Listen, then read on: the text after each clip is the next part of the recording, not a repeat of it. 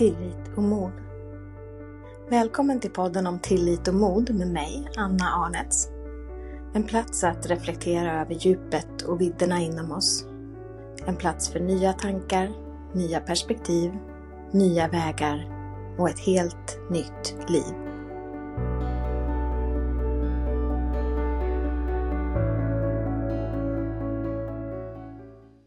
Human design är ett av de viktigaste verktygen för mig i min förståelse av mig själv. Och ju mer jag lär mig, ju mer jag fördjupar mig i min unika design, desto större blir min förståelse. Jag minns första gången jag hörde talas om human design.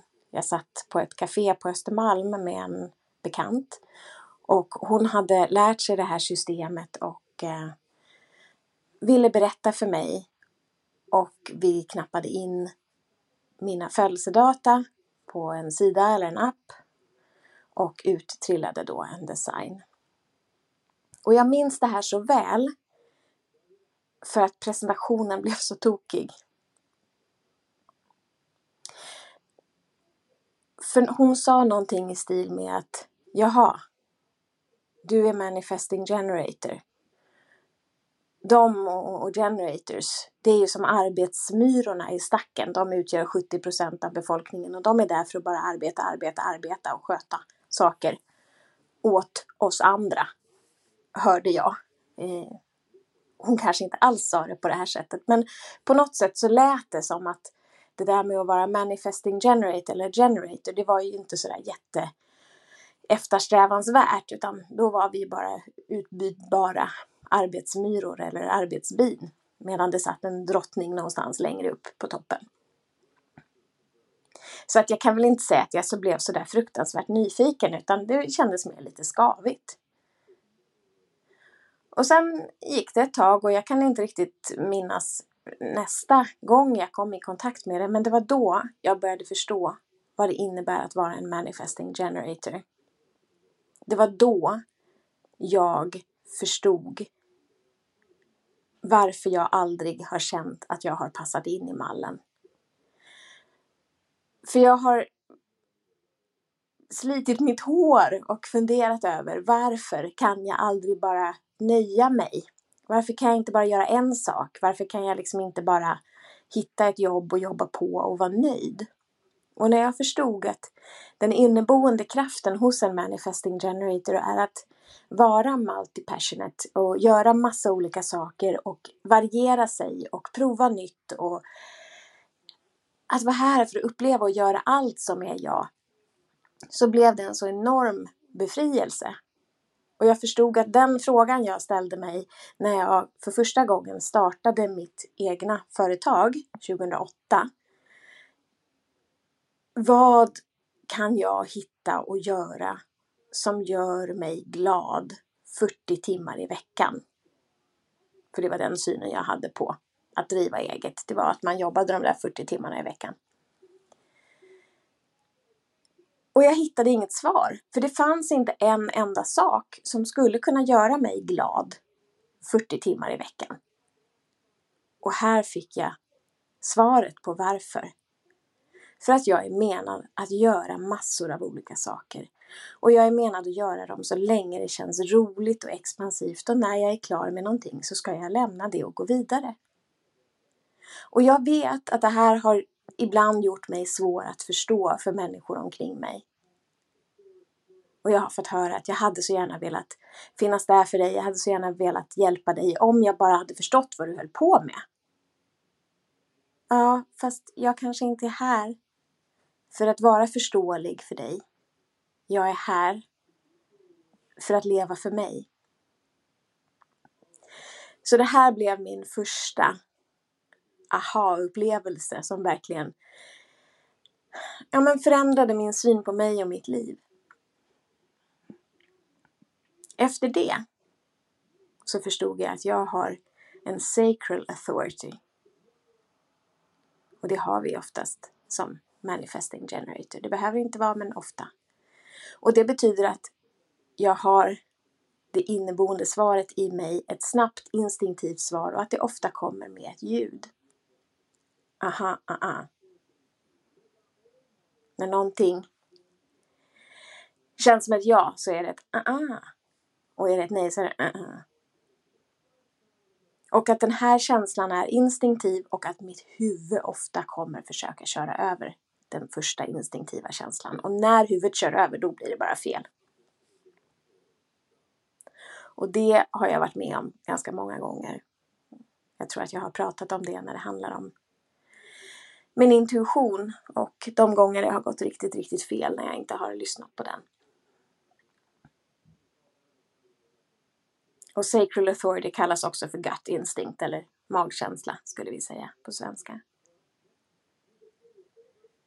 I våras kom jag i kontakt med nästa lager som var mina linjer. Och linjerna bygger upp min profil, men det började med mig, eller för mig som en förståelse av mina linjer. Där jag har linje 1 i mitt medvetna. Linje 1 som står för att vara the foundation, jag älskar fakta och fördjupa mig i saker och lära mig saker. Eh, och ofta råkar jag halka in på banan att jag lär mig saker utan att jag riktigt vet hur det gick till. Jag börjar med yoga och sen känner jag att jag vill fördjupa mig i yoga och då går jag en lärarutbildning men jag vill inte bli lärare. Men plötsligt så ville jag bli lärare och så plötsligt var jag lärare och så älskade jag det. Jag vet inte riktigt vad som hände. Eller jag kommer i kontakt med face reading. Jag går på en läsning av mitt ansikte. Blir nyfiken och vill veta mer. Går en helgkurs. Känner att jag vill veta ännu mer och plötsligt så har jag blivit master face reader. Vad hände? Och det här är ja, det är the story of my life. Svaret på allting finns alltid i en bok. Jag älskar böcker, jag älskar att läsa, jag älskar att lära mig nya saker.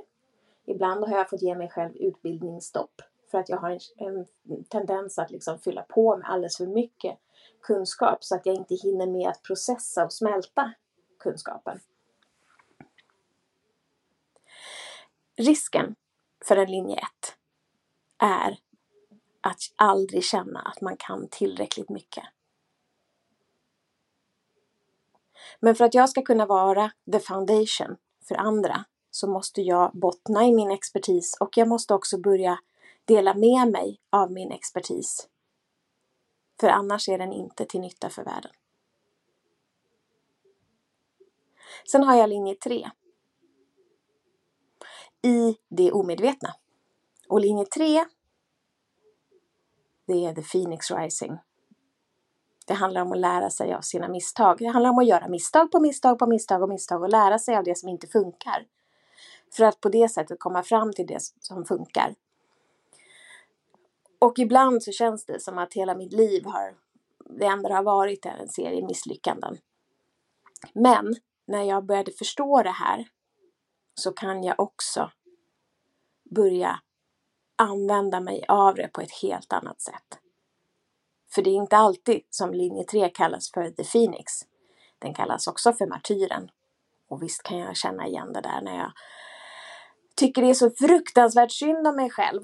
För alla andra, de bara lyckas och det enda jag gör är att misslyckas. Och så, så märker jag de här martyrtendenserna komma smygande. Och då vet jag att det är dags att ändra tankesätt.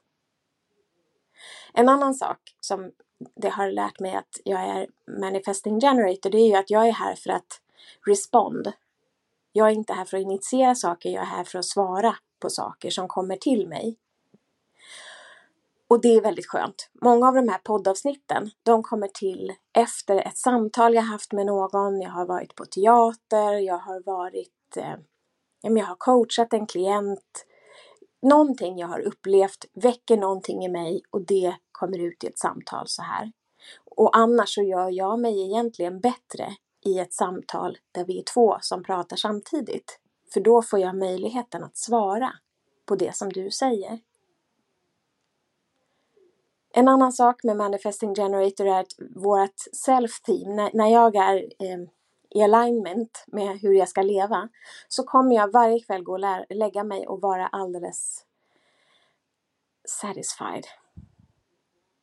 Jag hittar de engelska orden för jag har lärt mig det här på engelska. Så jag blandar och ger. Och när jag har den där känslan av att vara så oerhört tillfredsställd när jag går och lägger mig, då vet jag att jag är på rätt väg. Och när jag känner frustration, då finns det saker som behöver förändras. Sen efter linjerna så blir det profilen där jag är en 1-3. En lite paradoxal kombination det här med att vara foundation och, och fakta och, och eh, basen som alla andra kan vila på och därifrån vara den som lär sig genom att prova och misslyckas, prova och misslyckas, prova och misslyckas. Men det jag har lärt mig är att min väg ser ut så att jag lär mig, jag provar, jag lär mig vad som funkar och så lär jag ut. Och när jag kan vara i den cirkeln av att lära och prova, utvärdera, lära ut, då flyter mitt liv som allra bäst och då drar jag nytta av både min linje 1 och linje 3. Linje 1 är ofta läraren medan linje 3 är guiden. Och jag har båda sidorna i mig men jag älskar guiden ännu lite mera.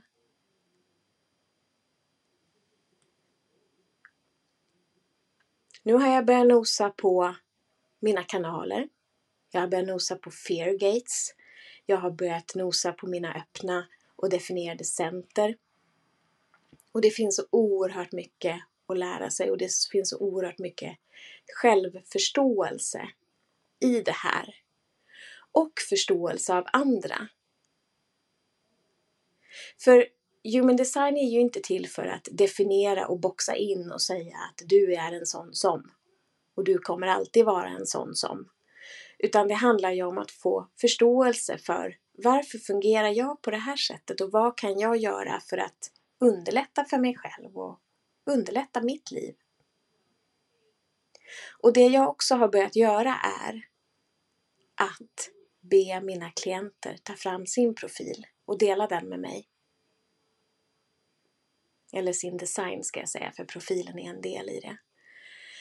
Och det underlättar vårt jobb tillsammans så oerhört mycket. Dels så får jag en förståelse för var jag och min klient är lika och olika, var jag kan dra nytta av min erfarenhet och var jag behöver eh, ta in erfarenhet av andra som jag har runt omkring mig, som jag vet vad de har för, om det är linje eller profil eller energityp. Eller hur man fattar beslut. Och jag upplever att när jag kan dela den här kunskapen med mina klienter så blir det som en stor lättnad. När, jag först, när klienten förstår varför den fungerar på det här sättet och varför saker är som de är. Så blir det ett verktyg för att styra våra samtal och för att styra klientens arbete framåt. Tack för att du har tagit dig tid att lyssna. Jag hoppas att mina tankar har väckt nya tankar i dig och att du genom att reflektera över vad de väcker i dig sprider nya ringar på vattnet runt omkring dig. Med all min kärlek från mig till dig.